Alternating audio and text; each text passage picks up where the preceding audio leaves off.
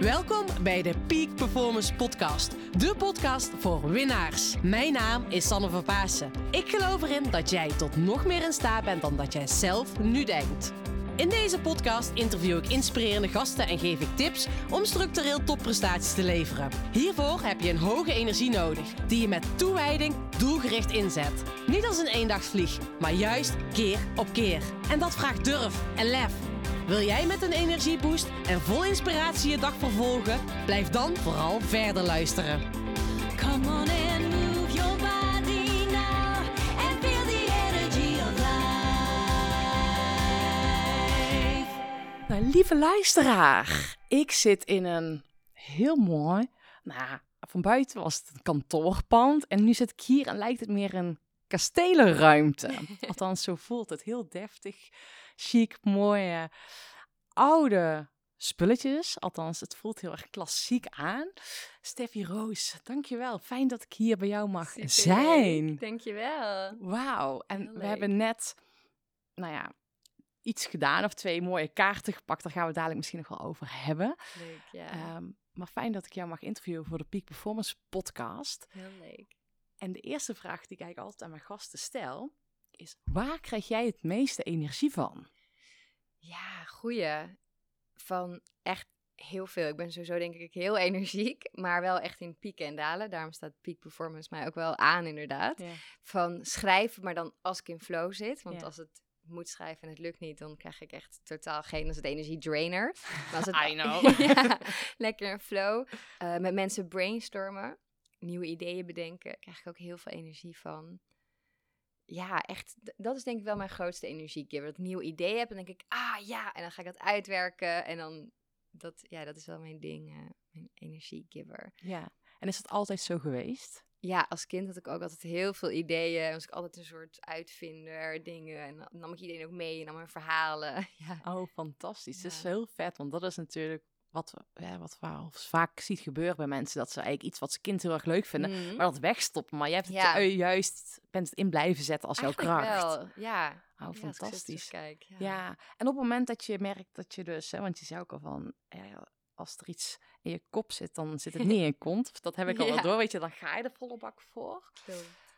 Maar wat doe jij op het moment dat je merkt van, oeh, die energie die is even wat lager. Hoe laat jij op? Ja, ik probeer er ook soms wel aan toe te geven, want ik ben, ik heb wel jarenlang gewoon door, door, door, door, door gegaan en dan al, en me steeds weer uit zo'n putje en dan weer door en dan totdat ik ziek erbij neerviel.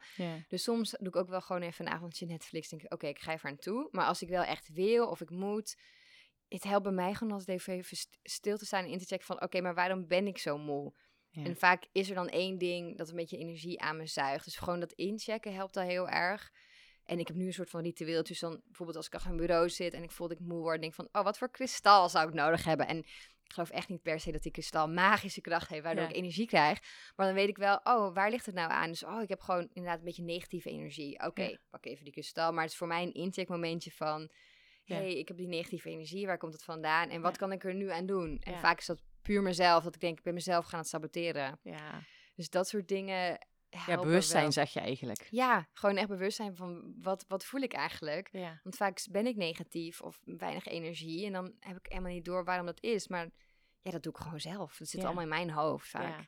ja, ik vind dat wel mooi wat je zegt, want ik geloof er ook wel heel veel dingen in. Hè. Het zit in ons eigen hoofd, maar ook maken we ons eh, soms druk of laten we ons Ja. aan ons trekken of energie slurpen Precies. van dingen die niet eens van jezelf zijn, maar Nee. van, van de buitenwereld die je in één keer oppakt of zo. En dan moet ik dan gewoon even van me afzetten. Ja, Ja. cool, vet man. De luisteraar zit nu te luisteren en denkt, oh, oké, tof om te weten eh, waar je energie van krijgt en hoe je jezelf oplaadt. Maar wie Mhm. is Steffi Roos eigenlijk? Goeie vraag. Heel existentiële vraag.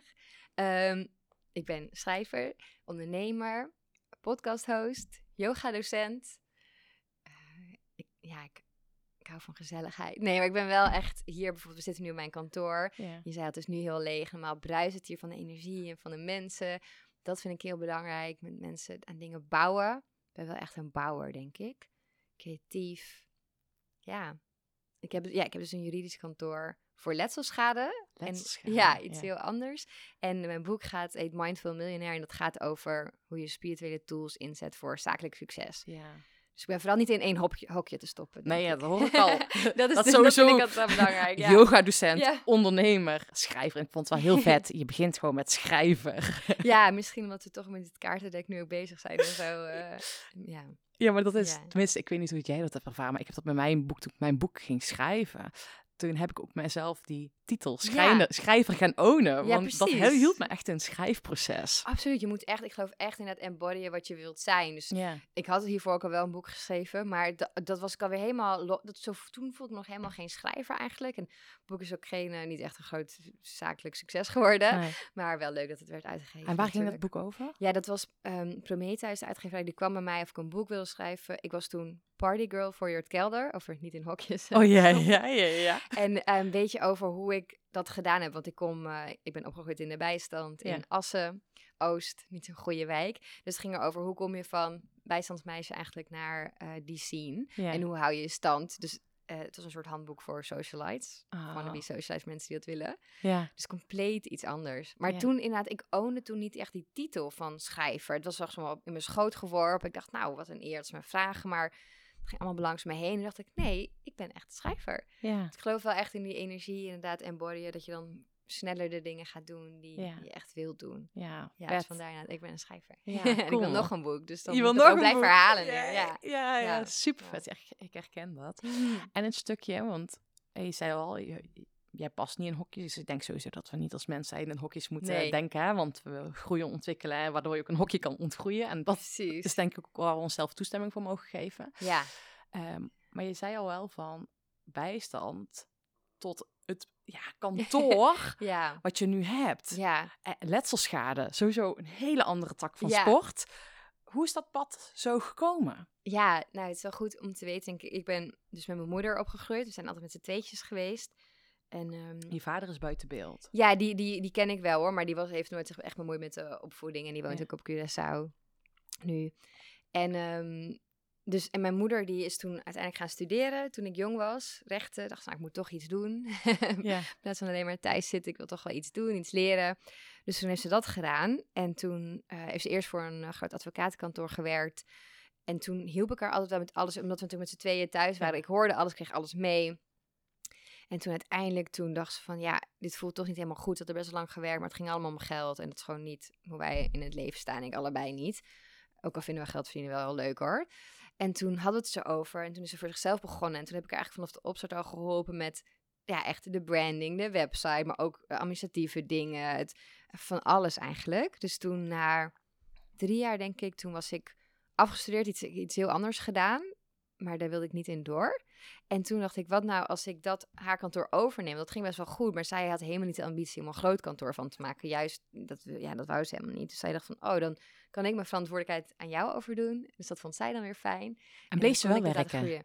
Ja, ze is wel, want ze vindt, zij vindt, we vullen elkaar heel goed aan. Want zij is echt micromanager van Ja. alle kleine klusjes en alle details. En Ja. dat, daar ben ik echt gewoon heel slecht in. Dat weet ik ook van mezelf. Ja. En ik ben juist meer macro van de plannen, het overzicht. Ja, dus ik was gelijk, oh, we nemen, zo, we nemen drie mensen aan. En een huurkant, nou, dat na een jaar hoor, een. En zij zo, oh, oké, oké, ja, nee, gaat goed. Maar dan kon zij wel die contracten doorlezen. En Ja. daar weer, dus dat was gewoon een hele fijne samenwerking. Ja, super. Ja. Hey, maar dat is wel uniek natuurlijk, wat je hebt gedaan. En ook dat je zo op die manier met je moeder bent gaan samenwerken. Ja.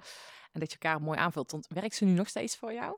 Ja, ze doen nog steeds, eh, ja, adviseur eigenlijk. Ja. Adviseur, ja. Cool, heel ja, vet. voor al onze dingetjes. Ja, Eh, en hoeveel, wat doe je nu nog voor je bedrijf? Ja, ik denk, ik zou zeggen een beetje 50-50 qua tijdsindeling. Dus een paar jaar geleden, toen dacht ik, ja, ik ga dit niet heel erg volhouden. Ik was zo hard aan het werk en ja, het ging supergoed. Maar ik dacht, dit, dit, dit ga ik niet. Het is geen duurzaam succes. Ja, duurzaam, ja. Dit is niet duurzaam. Dus toen dacht ik, ik moet mezelf wat misbaarder maken. Uh-huh.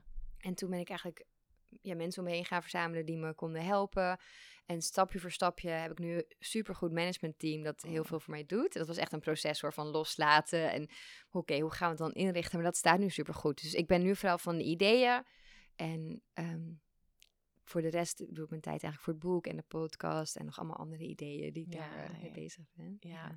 En je bent dus nu veel meer je eigen, nou ja, Ja, nou in ieder geval, zo komt het over. En nog meer echt vanuit, waar heb jij behoefte aan? Dat Ja. de wereld in aanzetten. ja, echt alles wat ik heb geleerd eigenlijk in de afgelopen acht jaar ben ik nu aan het ontdekken van, oh ja, en aan het proberen over te brengen. Ah, ja, super Ja. vet.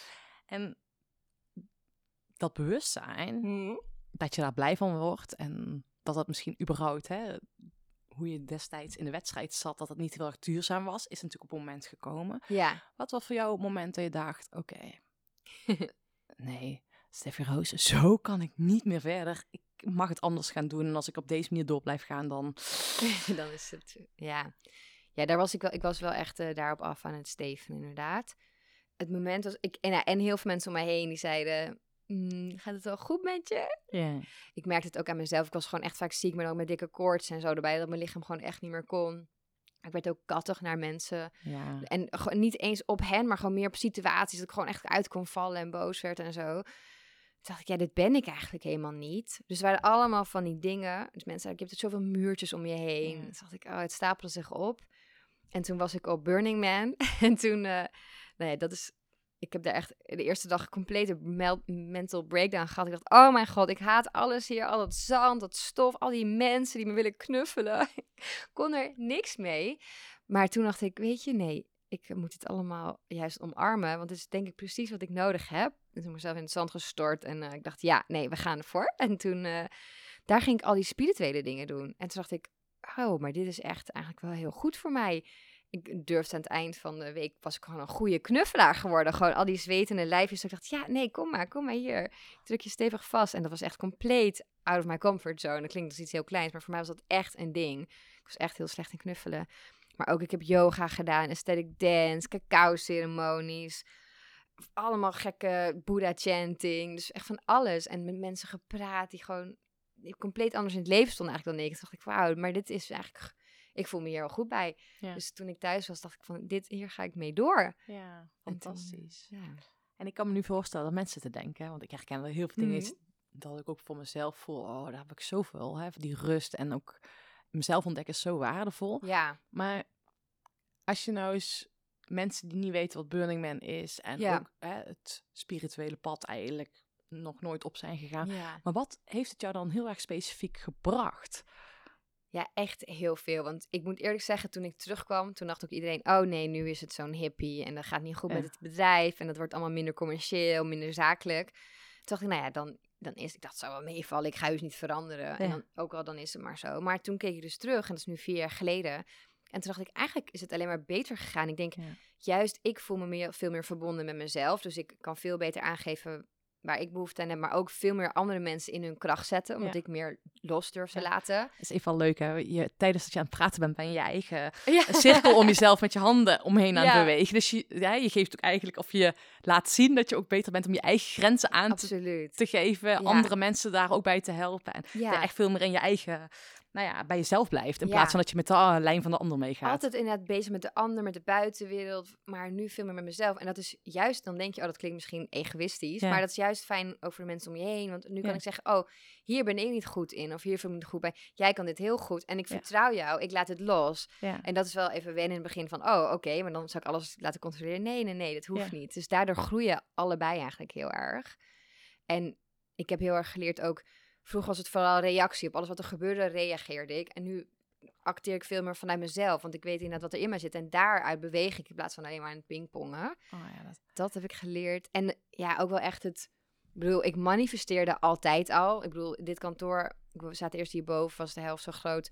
Maar we zaten hier met vijf mensen en er passen makkelijk twintig mensen in. Dus iedereen zei, hè Stef, waarom huur je dit kantoor? Ik zei, oh wacht maar, dit zit zo vol. En binnen een jaar was het al te klein. Dus dat was al een voorbeeld van manifesteren. Maar dat ging per ongeluk. En nu doe ik dat bewust van, hé, hey, ja. waar wil ik dat mijn energie, zo zie ik het meer van, waar wil ik dat mijn energie naartoe gaat? Dus daar richt ik me dan heel erg op. Dus Ja. dan weet ik van, oké, ik vind dit belangrijk, daar ga ik op mediteren, op, op ja. ja, op, op Intune of checken. Ja, ja. ja, dus, dus zo eigenlijk. Ja, fantastisch. Want hè, je bent veel meer bij jezelf gaan checken en hè, wat jij wilt. En Ja. ik hoor jou ook tussen de regels doorzetten dat het veel meer gaat om, nou ja, die bewijs. Misschien was het eerst wel bewijsdrang en nu is dat Oh, meer, ja. Mega bewijsdrang. Ik wou ook altijd heel graag in de quote 500. Nou, dat wil ik nog steeds wel, omdat er te weinig vrouwen in staan. Maar heel erg die bewijsdrang. Inderdaad, precies wat je zegt. Ik dacht altijd van, oh, ik ben niet goed genoeg zoals ik ben. Ja, Dus ik moet mezelf heel erg bewijzen. Maar waarom was ik niet goed genoeg? Weet je, wat een Ja. onzin. ja. Dat zat er gewoon zo, zo diep in of zo.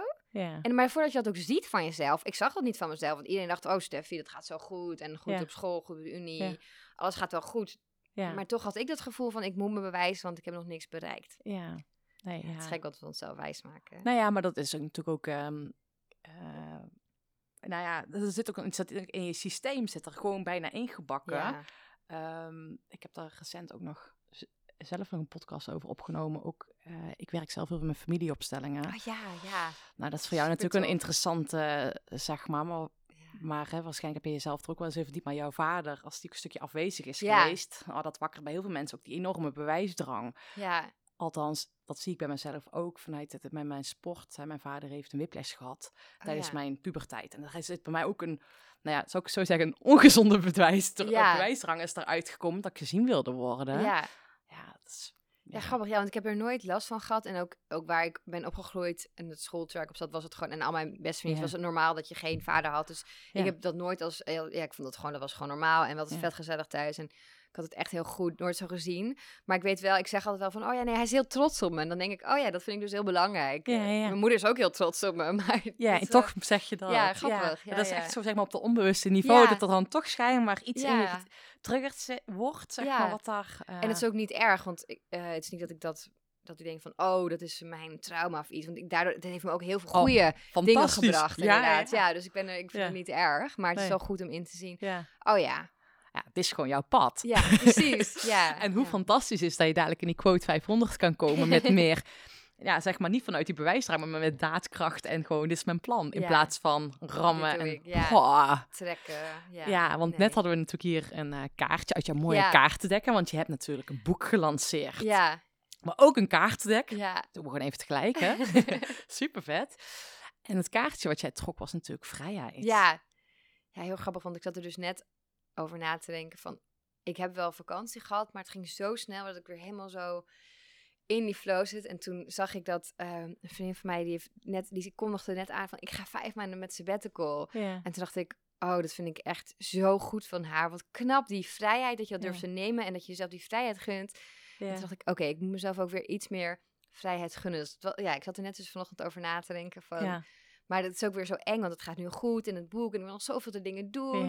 Toen dacht ik van, ik ben weer even weer terug in die, in die ja, misschien trekfase. Ik moet nu weer iets meer mezelf overgeven aan het universum. Ja, ja, ja. Iets meer vrijheid mezelf Ja. geven misschien. Ja, dus Ja. hij kwam op het goede moment. Ja, oh vet. En, en ga je hem dan ook concreet maken? Mm. Ja, we zijn nu een vakantie aan het plannen. Dat zou weer een weekje zijn om dan mijn vader op te zoeken. En zei mijn vriendje, we kunnen er gewoon nog een week aan vastplakken. En ik zo, nee, dat kan niet, want ik wil dan een event doen en dingen. En zei, ah, maar we moeten ook een keer vrij zijn. Ik zei, nee, maar... En nu denk ik, ja, oké, we moeten wel gewoon even twee weken helemaal Ja. off. En Ja. dat event even verplaatsen, zodat ik ook daarna even weer rust heb. Ja. Dus ik denk dat ik hem daarop, eh, dat het daarvoor een goede call was van, ja, neem Ja. die vrijheid. ja. Nou, maar twee weken of vijf maanden is nog steeds een verschil. Ja, ja. ja, precies. Dat kan dan eh, misschien daarna. Ja. Ja, maar dat is ook dan zo, als je dat zo gewend bent. Ik herken dat ook wel, weet je, dat het oncomfortabel is om gewoon alles aan de kant te leggen. Ja, Ik had afgelopen zomer, ik geloof er ook dus heel erg in, in dat peak performance. Hè. Ik zie Ja. het als een berg en je hebt een top van de berg. En ehm, als ik dan voor mezelf bijvoorbeeld ook spreek. Ik heb mijn boek is vorig jaar gelanceerd. Ja. En daar heb ik ook echt voor geknald en nou, heel Ja. vet. ja, En daarna wel rust genomen. En ik had ook heel veel wilde plannen die ik daarna uit wilde voeren. Maar ik Mm. voelde heel erg, oh, dat is vanuit wilskracht. Weet Ja. wel, nu ben ik door aan het rammen. Ja. En dan weet ik gewoon, dat doe ik het niet meer. Want dan weet ik, ik moet gewoon rust. nee. En nu voel ik alles ineens bruisen. En het is gaat het weer. ja, en echt, Ja. echt gewoon zo moeiteloos. Dat je gewoon ja, eh, dingen lanceert zonder dat je ze lanceert. Maar dat je mensen uitnodigt. Zeg je, oh, oké, kom. Leuk, ja. oh, vet. Zo ehm, ook. Maar dat is wel eh, even ook, ook uit je comfortzone stappen. Dat je denkt, Ja, en ook met je, ja, dat herken je denk ik ook wel, hè, dat je dan, je weet diep van binnen dat dat dan wel handig is. Alleen dan komt dat stemmetje zo. ja, maar nee, ik moet dingen doen. Dat stemmetje. Ja, dat, dat, dat is logisch natuurlijk. Ja. dat is denk ik ook wel, we hadden het net over, van wanneer was dat breekpunt van ik moet iets gaan veranderen. Maar ik had gewoon continu zo'n stemmetje in mijn hoofd van het gaat heel goed met het bedrijf, dus je moet heel veel werken, anders dan verdien je je succes ook niet en dan houdt het Ja, op. Dus ja. ik dacht de hele tijd, ik moet heel veel werken, gewoon elk weekend ook een avond, want dat doen succesvolle mensen. Ja. Dus ik moet dat ook doen, want anders valt het weg. Maar dat was natuurlijk totaal verkeerde causaliteit eh, hoe ik dat zag. Het was helemaal niet nodig. Die dingen die ik deed waren ook helemaal niet heel nuttig. Dat dacht Ja. ik. Maar dat achteraf denk ik, had ik allemaal niet hoeven doen. Nee, ja. Maar het is grappig dat je dat denkt. En hoe denk je daar nu over dan? Je moet de dingen doen die echt moeten. Waarvan je weet dat die een beetje spannend zijn misschien. Maar die Ja. zijn waarschijnlijk een kwart van alles wat je eromheen doet qua fus. Ja. Om jezelf maar Bezig te houden. bezig te houden en Ja. te doen. Ja. En uitbesteden, ook gewoon goed worden in delegeren. En dat is niet iets wat je zomaar kan doen. Je kan niet Nee. dingen hoep over de schutting gooien, maar wel de tijd nemen om mensen in te werken. Ja. Ook te respecteren dat zij het op hun manier doen. Ja. Dat is ook weer een heel leerproces. ja. Ja, dat ook wel. ja, dus het is echt gewoon alle kanten leren en Ja. daar toestaan, Ja. toestemming voor geven. Ja, Hey, en als we eventjes, even, eventjes, Sanne gaat in dialect tussendoor praten. als we het even naar jouw boek- boek kijken, ja. het is echt gewoon eh, een heel mooi handboek geworden. Ja, Fantastisch. Ik vind het gewoon ook heel mooi dat je hem gewoon open kan bladeren en in verschillende, nou ja, eigenlijk gewoon in het boek in kan vallen als het ja, ware. ja het is niet, eh, je hoeft niet chronologisch te lezen. Nee, en als je nu één ding mee mag geven dat je denkt, oh, dat is zo waardevol van als mensen iets mogen gaan ontdekken, wat zou voor jou, of wat heeft voor jou misschien het meeste waarde Ja. gebracht? Ik denk eigenlijk twee dingen. Ehm, onthechting. En dat vond ik echt een super moeilijk begrip. En het duurde ook heel lang voordat dat klikte. En dan moest ik echt uit heel veel verschillende bronnen, hoeken, mensen horen. Maar ik was altijd van heel erg gehecht van, oh, ik heb dit doel. En pas als ik dat doel heb, dan, weet je, ben ik waardevol, gelukkig, succesvol. Maar nu ben ik veel meer, oké, toen hoorde ik over onthechting en toen dacht ik, ja, maar ja, ik wil het wel gewoon halen. En als ik me onthecht, dan doe ik er niks meer voor. En dan denk ik, nee, dat is het dus niet, Steffi. Het is meer van, ik heb het doel en dan mag ik vol enthousiasme voor gaan. Maar ik hang daar, ik onthecht daar al die andere waarden aan. Dus het is meer van, ik heb dat doel en daar, ik zou het super tof vinden als ik dat haal. Maar die reis er naartoe, daar is waar het me om gaat. Want dat is waar ik geniet van leer, waar, ja, waar ik allemaal dingen tegenkom. Dus ik onthecht me van het resultaat van dat doel. En, dat, ja. En alleen van het resultaat van het doel of ook hoe dat je gaat voelen of wat het je gaat opleveren? Ja, dus natuurlijk mag ik dan happy zijn, maar Ja. niet dat ik alleen maar, ik, niet die voorwaarde van ik ben pas happy als ik bij dat doel zit. Ja, ja, En dat is toch iets wat ik, wat ik geneigd was om heel erg te doen. ja. En nu denk ik van nee, die reis naartoe, dat doel doe ik. En daardoor durf ik veel ambitieuzere doelen te stellen. Want als ik het niet haal, is het niet zo erg. Want Nee. ik ga erom dat ik die stappen zet om erbij Ja. te komen. En eerst zou ik dat doel misschien helemaal niet durven formuleren voor Ja. mezelf. Want ik dacht, ja, straks haal ik het niet. En dan ben ik een mislukkeling. Nee, Ja. dus zo denk ik nu ja niet meer. Maar dat heeft echt heel lang... Ik heb er ook wel een hoofdstuk in over mijn boek. Maar ik vond het Ja. heel lastig om, eh, om te, in te laten dalen bij mij. Dus ik hoop dat het nu duidelijker wordt. En ik heb nog steeds mensen die zeggen... Ja, onthechting. Nee, ik ben toch heel ambitieus. Dat past er niet bij. Ja, maar het maakt je juist ambitieuzer. Omdat je veel meer durft. Ja, ja, ja. En je Dus ja. legt die focus, want je staart je niet bl- blind op dat doel, waardoor je in mijn taal in die verkramping schiet. Je denkt, ik moet dat Ik doen. moet doen, En nu denk je, oké, ik ben dat gewoon aan het doen. En eh, dat je misschien wel meer geniet van het Precies, proces ernaartoe. geniet, Ja, Ja. ja. Nou, ik heb dat letterlijk zo meegemaakt. eh, toen ik ooit een hele nou, mooie prijs in mijn eh, sportcarrière won, Hmm. stond ik letterlijk op het podium waar ik echt zo eigenlijk gehecht naar dat Ja. doel toe ging. En toen stond ik daar en toen dacht ik, huh, is dit het al? Nou, is is dit het? nou, Is dit het nou? Moet ik me zo voelen? Ja, Oh, ja. het viel mij een beetje tegen. maar dat- hè? En sindsdien ben ik ook anders naar doelen gaan kijken, veel meer ervan gaan genieten en dat eigenlijk het doel niet uitmaakt. Nee. Maar de grap is dan wel, dan gaat het moeitelozer Ja. om dat doel te realiseren. Ja, en dat is zo grappig. En dat is heel moeilijk te vatten. En ik, ik vind het nog steeds soms lastig om uit te leggen. Maar het, is Ja. inderdaad, het gaat gewoon meer, veel meer in flow. Ja. Het komt naar je toe als je Ja. het loslaat. Maar natuurlijk mag je doelen hebben. Ik bedoel, anders is het even ook maar saai. Je wil ook eh, uitgedaagd worden. Ja, ja. Ja. Geprikkeld worden in ieder geval. Dat is natuurlijk wel een hele belangrijk, dat je geprikkeld neergezet wordt en dat je dat eh, doet. Wat betekent vrijheid voor jou? Ja, hele mooie, hele lastige. Voor mij echt wel doen, kunnen doen, mogen doen, waar ik heel veel dankbaarheid uithaal, heel veel energie uithaal eh, en heel gelukkig van word. En dat betekent af en toe vrij nemen, maar ook gewoon de vrijheid in mijn werk om dat te kunnen, kunnen gaan doen. Ja dat, ik, ja, dat niet belemmerd worden en dat, dat gevoel van vrijheid is misschien nog wel belangrijker dan hoeveel vrije dagen ik in een jaar heb, ook genoeg hoor. Maar dat gevoel dat ik altijd vrij kan nemen. Dat Ja. ik, eh, als ik nu ook een goed, ik vind het ook pure vrij dat ik als ik een goed idee heb, het ook gewoon door kan voeren. Ja. Dat er naar geluisterd wordt door de mensen om mij heen. Ja, dat is ook fantastisch. Hè? Dat je de juiste mensen om je heen hebt en dat je gewoon vette ideeën kan uitwerken. En hup. Ja, ja. En is dat in de loop der jaren veranderd, jouw definitie van vrijheid? Ik denk dat ik eerst helemaal niet zo nadacht over vrijheid. Want mensen zeggen dan wel, oh, als ondernemer heb je zoveel vrijheid. denk ik, moi, ah, als ondernemer ben je, als je te hard werkt, gewoon een slaaf van jezelf en je eigen doelen. Als je Ja. ja. niet zo bewust bent. Dus dat had ik heel erg. Toen nam ik juist, kon niet eens een snipperdag nemen, zeg maar. Dat vond ik al, nee, dat kan niet.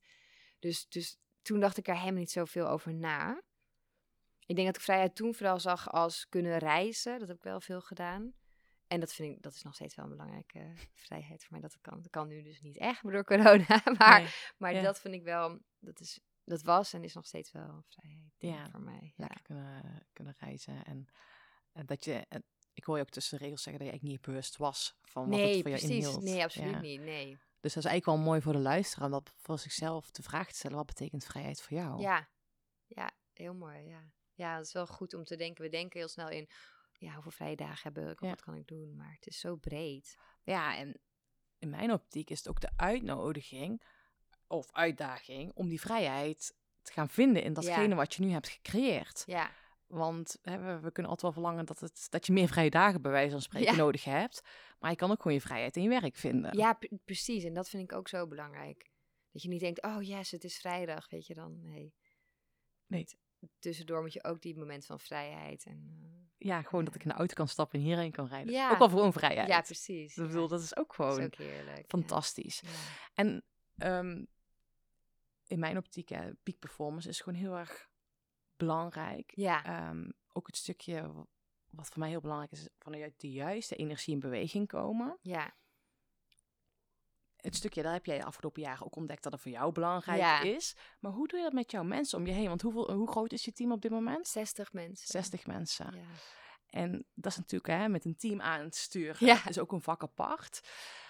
Hoe zorg je ervoor dat zij eh, vanuit de juiste energie ook die beweging inzetten. In plaats Ja. van dat zij vanuit die ram-bam-mentaliteit zichzelf over de kop werken. Want als Ja. werkgever wil je dat natuurlijk ook niet. Nee, En vooral niet, les, eh, je zit in de letselschade. ja, Eh, wil je natuurlijk ook niet dat, eh, dat je je eigen medewerkers... Nee. Ja, sowieso, iedere ondernemer wil dat zijn medewerkers fit en energiek zijn. ja. Maar hoe draag jij daar een bijdrage Ja, aan? ik heb daar, ben daar altijd heel erg mee bezig geweest. Omdat natuurlijk in de juridische wereld, ja, als je op de advocatenkantoor op de Zuidas is dat mega ram, ram. Ja. Eh, veel te mannelijke energie, dag en nacht werken. Dus ik zei altijd, we zitten misschien best wel dicht bij de Zuidas, maar we zijn compleet tegenovergestelde. Ja. Dus ik wil in het weekend niet werken, eh, ook s'avonds niet. Dus maar hoe ik dat dan praktisch heb gedaan, is bijvoorbeeld geen mobiele telefoon gegeven. Ah. Je, hebt, je hebt wel een laptop, je kan thuiswerken wanneer je wilt. ehm, maar je kan alleen bellen als je echt achter je laptop zit, gewoon met een Met headset, Zodat je ook gelijk aantekeningen kan maken, zodat je er helemaal bent voor je cliënt. Ik zei, ik wil niet dat jij in de auto belt of dat jouw cliënt jou s'avonds belt. Want dan Ja. word jij helemaal onrustig, maar het is ook niet goed voor die cliënt. En Ja. mensen, oh, oh, ja, daar zit eigenlijk wel wat in. In het begin wordt- vonden ze dat dan, mensen die hier dan nieuw komen van een andere werkgever, die vinden dat dan een beetje gek. Maar als ze over nadenken, denken ze, oh ja, het is wel een goede bescherming. Maar ook dingen ehm, voor de juristen bijvoorbeeld, eh, dat is dan het overgrote deel, die hebben gewoon targets en hun Ja. eigen praktijk. Dus die zijn niet van elkaar afhankelijk. Dus die hebben gewoon werken waar en wanneer je wilt. Ja. Die mogen thuiswerken, vakantie nemen wanneer ze willen. Hoeven geen vakantie te vragen. Ongelimiteerd vakantie. Dagen ook. Ongelimiteerd. Ja, ja. Ongelimiteerd. ja. Dat ik denk, ja, jij, weet je, jij hebt gewoon je werk en je cliënten. En als die tevreden zijn, dan is dat gewoon goed. Ehm, en bij de andere teams hebben we dat nog Even niet. en hoe wordt dat Oh. ontvangen? Ja, heel goed. Ja, ja, omdat je gewoon die druk is er gewoon af. Van, oh, maakt niet uit wanneer ik vrij neem. Lekker zonnig gedag. Nou, neem ik vrij, weet je wel. Dus dat is wel fijn En idee. even- ja, je, wilde naar het andere, maar ik ben even heel erg hier- nieuwsgierig hierna. Ja. Ehm, en ook, ik, ik ken het wereldbeetje van een goede vriendin of een van mijn beste vriendinnen is jurist. Dus ja, heb al eens vandaar ook gehoord hoe dat vaak... ja, Hè, die mensen zitten ook heel vaak qua type persoon veel in hun hoofd. ja. Ehm, maar eerst als, ben ik nieuwsgierig naar jou. Wanneer heb je die transitie gemaakt om eigenlijk aan te geven ongelimiteerde vrije dagen? Ja, En hoe heb je die keuze gemaakt? Want dat is denk ik ook niet zo 1, 2, 3 dat je denkt, oké, gaan we zo doen. ja nou bij mij wel op zich. Maar Maar laten die inspiratie voor meerdere ondernemers zijn. ja, ik denk al drie jaar geleden. We waren echt wel een van de eerste ook. Ik had er toen over gelezen. Mhm, Netflix had het toen. ja. En toen dacht ik, ja, dat is echt perfect. Want ehm, en dat kan ook. Ik heb wel heel erg gekeken van ja, naar wie wel en wel niet. Maar we hebben bijvoorbeeld de rest van de mensen werken in teams, zoals administratie en intake. Dan dacht ik, ja, daar ga ik het dus niet bij doen. Want dan eh, heb je heel het gevoel als je vrij neemt, dan voel je je schuldig naar de rest van je team toe. Ja. Dus dat wil ik niet. En dat las je ook in Amerika, Ja. dat heel veel mensen minder vakantiedagen namen, omdat Ja. ze het gevoel hadden, ja, dat kan ik niet maken. Terwijl als je een bepaald aantal dagen hebt, dan mag je die gewoon opmaken. Dus ik dacht, Ja. ja, dat is dus niet wat ik ermee wil bewerkstelligen. Maar die mogen wel bijvoorbeeld thuiswerken wanneer ze willen. En die kunnen heel makkelijk vrij nemen en schuiven. Dus dat, die flexibiliteit hebben we ze wel. Maar ik dacht, ju- juristen, ja, die hebben hun eigen praktijk. Dus het Ja. maakt niet uit, ze doen het voor zichzelf. Ja. En die, ja, in die zin ben je dan al heel ondernemend. Dus kun je prima voor jezelf bepalen. Weet je, ik vertrouw ze. Ja. En dat is over en weer. Dus toen ik daarover las en toen ben ik wel dus die onderzoeken gaan lezen, ook wat dan de nadelen kunnen zijn. Dus toen zijn we op dit ja, hybride model eigenlijk gekomen. Ja, en toen heb ik het gewoon voorgesteld. Toen zei ik van, eh, nou, we hebben dit idee. En die zo, ja, vet leuk. Ik kan me voorstellen. En maar daar ben ik wel nieuwsgierig naar, want ik werk zelf ook heel veel met teams. Hè. Is er dan ook niet verdeeldheid ontstaan tussen de teams? Dat bijvoorbeeld het team administratie of intake zegt van, joh, maar jullie wel? Ja, nee, gelukkig niet. Want we konden het ook wel uitleggen waarom we dit doen. En ze Ja. weten ook wel dat we ook mensen willen beschermen, inderdaad. En Ja. dat voelt ook niet fijn. Want dan, Ja. elke keer als je dan vrij neemt, dan, is het, dan doe je dat zelf, zeg maar. Ja. En dan zit jouw team ermee opgescheept. Ja, Dan moet je het overnemen voor Ja, iemand. dus dan krijg je heel snel die scheve ogen van... neem jij nou alweer vrij? Dus dan durf je... Dan, die mensen zouden waarschijnlijk minder snel... ja, minder vrije dagen nemen. En nu heb je gewoon... Ja, iedereen heeft gelijk aantal dagen. En dat je gewoon altijd thuis mag werken wanneer je wilt. Zodat je, weet je, als je even niet het regent of zo, nou ja, blijf je lekker thuis. Of je gaat op vakantie, wil nog even wasjes doen. Of je bent gewoon een beetje, maar... Ja, Dus dat is al, die vrijheid is al fijn. En dat je niet over twee lagen en twee weken van tevoren je vakantiedagen aan hoeft te vragen. Dat is Ja. ook al... eh, dat is heel relaxed. Ja. ja. dus in die zin gaat dat wel goed, gelukkig. Ja, hey, en wat voor andere dingetjes? Want je Ja. wilde volgens mij nog iets anders vertellen. Maar ik was even zo, eh, ik denk, dit is interessant. ja, is het ook. Ja. Wat we nog meer doen? Ehm, ik zit even te denken. Ja, we proberen wel heel erg een soort van community dat mensen voor elkaar zorgen. Dat gebeurt heel veel. En dat probeer ik ook te faciliteren door vrijmibo's. Nou, dat is nu iets minder, maar in het Ja. klein dan wel. En uitjes samen, maar ook bijvoorbeeld dat je een buddy hebt met wie je overlegt. Een buddy systeem heb Ja, je. dus dat je met elkaar echt eh, elke maand even gaat evalueren van... hé, hey, hoe gaat het? Waar staan we? Ja. En faciliteer je dan ook de input van zulke gesprekken? Of jullie Ja, je hebt dan vragen die je elkaar kan stellen. Ja, Oh, af en toe cool. geef ik yoga op kantoor. Oh, serieus? Ja. Mediteren we dus samen. Dus dat soort dingen doen we ook allemaal wel echt samen. En ehm, ja, wat ik... Op een gegeven moment had ik een beetje die omslag van... Ja, 10, 20 man, dan ken je nog iedereen. En iedereen Ja. zegt doei als ze naar huis gaan. En daarna wordt het echt groter. Ja. En toen... eh, we zitten altijd met z'n allen te lunchen. Maar ik merkte dat... Ik had altijd druk of wat calls. Of dan moest ik even overleg met MT. Dus ik zat er met lunch niet zo vaak meer bij. Ja. En toen hoorde ik daar een beetje zo moppers over. En toen dacht ik, ja, hoezo is, vind je het erg dat je baas er niet bij zit? Dat is toch vet relaxed, dacht ik. Maar ik dacht, toen dacht ik van, oh, maar het is eigenlijk wel ook heel leuk dat ze dat jammer vinden. Dus ik dacht, ik moet daar iets mee. Dus toen heb ik date met de baas geïntroduceerd. Oh, en dan ehm, mag iedereen wil met mij op date. En dan gaan we gewoon samen één op één iets doen. Dan dacht, dan leer ik echt iemand Ja. veel beter kennen dan als ik aan de lunchtafel zit. Dus ik dacht van, nou, dan gaan we een keer een kopje thee drinken of lunch of zo. Of golfen. En toen kreeg ik echt, oh, zullen we gaan skydiven? Zullen we gaan shoppen in Parijs? Zullen we allemaal gekke dingen? Dus, Maar als jij 60 medewerkers hebt, dan ben je gewoon twee maanden mee bezig. Ja. Het is een fulltime baan. ja, ja, we doen ook niet, eh, met, niet, niet iedereen ook. Sommige mensen zie ik spreek ik sowieso al vaak, dus die hebben er ook minder behoefte aan. Ja. En eh, het is wel over, het is ook niet dat we elk jaar of elke maand Nee. iets doen, maar het is wel echt hele leuke, Ja. toffe gesprekken komen eruit voort. Ja, heel blij. eh. Ja, nou, ik vind het wel grappig dat je dat zegt. Want eh, eh, een van mijn klanten, die heeft nou ja, een bedrijf met 160 man. En eh, echt een van mijn motto's is, als je eigen spelregels bepaalt, win je altijd. Ja, Dus mijn ja. sessies zijn altijd op de fiets. Oh, en leuk, toen ja. zei die man, of op de mountainbike, we waren in bossen. En toen zei ik, "Ze- ben je nog wel trouw aan je spelregels? Ja, ja. en het was ook even niet zo goed gegaan met hem, of even allemaal te veel. En ik zei, ja, hij had al gezegd, maar ik kan toch niet met mensen gaan fietsen? Ik kan toch niet met mijn MT-team gaan fietsen, Sanne? Ik zei, waarom niet? Waarom niet? Ja. En s'avonds kreeg ik van hem een appje. Sanne, mag ik jouw fiets? Ik heb altijd extra Oh ja. fietsen. Mag ik jouw fiets lenen? Oh, leuk. En hij ging dus met zijn MT-team Ja. fietsen. Weet je, waarom niet? Waarom weet je, dat zijn Ja. onze kaders die we maken. Wij denken, oh, het hoort zo. Maar Ja. ja. Weet je, al als jij er blij van wordt. Ja, Hè, je medewerker ook. Ja, hoe fantastisch ja, is waarom dat? niet? Ja. Ja. En je doet ook nog allemaal leuke dingen. En je leert iemand echt een keer even anders kennen. En dan is het ook veel vrijblijvender als je iets aan het doen bent. Of, Ja. inderdaad of je fietst of wine tasting doet of naar een comedy show. Gewoon, je bent even helemaal jezelf. En ja, Ja. dat is gewoon heel fijn. Ja. Ja. en je bent niet de baas. Hè? Dat Nee, natuurlijk- precies. Nee, en dat is sowieso hier al niet. Ja, Heb ik het gevoel heel erg hoor. ja super cool. Maar wel vet hoe, je dat, hoe, jullie, hoe jullie dat aanpakken. Weet Ja. je? Ik bedoel, ja. Ja. En is dat dan ook echt een transitie geweest? Of is dat vanaf het moment dat je eh, het bedrijf van je moeder hebt overgenomen, dat je ook voelde van oké, dit is super belangrijk in de organisatie? Of was dat een transitie ook met Burning Man, je eigen ontwikkeling, dat dat ook een bijdrage had? Ja, ik denk dat ik dat zorgen voor mijn medewerkers zat er altijd al wel heel erg in. Dus daar was ik altijd heel erg mee bezig. Toen, toen op een gegeven moment dacht ik ook, ik moet ook voor mezelf zorgen inderdaad. En het scheelde, zeg maar, ehm, mijn moeder had wel ZZP'ers die haar hielpen, maar die had geen mensen in dienst. Dus ik ben zelf als mensen in dienst gaan ja. nemen. Dus ik kon dat hele team vormen. En Ja. toen, ik was ook wel veel aan het lezen over wat ik dan wilde. En dus toen dacht ik wel gelijk al, ja, dit wordt mijn, dit wil ik voor het team creëren. Maar dat is alsnog echt met vallen en opstaan. Want ja, je bent ook een nieuwe baas en je denkt, oh, ik moet ze ook wel een beetje controleren. En dat, de, de balans tussen vrijheid. Dus dat is echt een zoektocht geweest. Ja. En nu denk ik van, ja, nu gaat het echt, echt heel goed. Maar in het begin heb ik ook wel fouten gemaakt. Dus ik dacht, ja, dat was niet handig. En ook verkeerde mensen misschien aangetrokken. En dat gaat nu, eh, ja, dat is echt, echt wel vallen en opstaan. Ja, Ja, ja. maar dat is ook een leerproces. Ja, natuurlijk. precies. Daar leer je ook superveel over jezelf als persoon van. Ja. En wie Ja. er bij jou passen, leer je Ja, dan ja. ook. denk je, oké, dus belangrijk dat ik zulke soort mensen aantrek. Ja, oh, super. Ja. Ja. fascinerend. Het is echt een heel mooi, eh, mooi cadeautje heb je jezelf cadeau gedaan. Ja, ja denk ik wel. En in jouw boek deel je ook heel veel over manifesteren, om Ja, nou, echt datgene wat je wil ook echt neer te zetten. ja.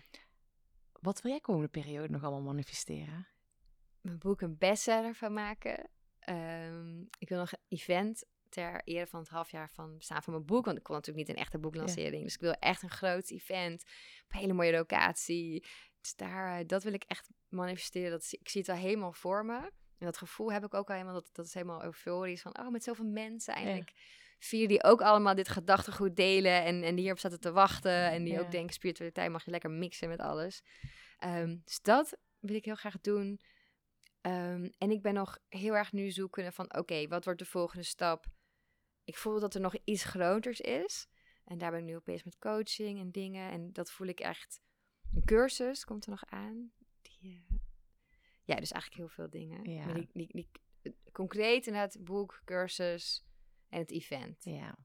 En dus Ja. vooral de focus voor jezelf is echt op je boek neerzetten. Ja, ja, want de vorige keer ging mijn boek zo snel voorbij. En toen dacht ik, oh, ja. ja, ik heb helemaal niet eigenlijk het heft in eigen handen Nee. genomen om er alles uit te halen wat Ja. ik ermee wilde doen. ja. Dus dat ga ik nu gewoon wel doen. Ja, super vet. En gewoon echt van genieten. Ja, het is ook echt fantastisch. Het is echt eh, waanzinnig mooi. Mhm. Dat is wel echt heel erg tof. En als je, trouwens, en wanneer het event komt dit jaar, najaar nog, Ja, ik denk december. december. Ja.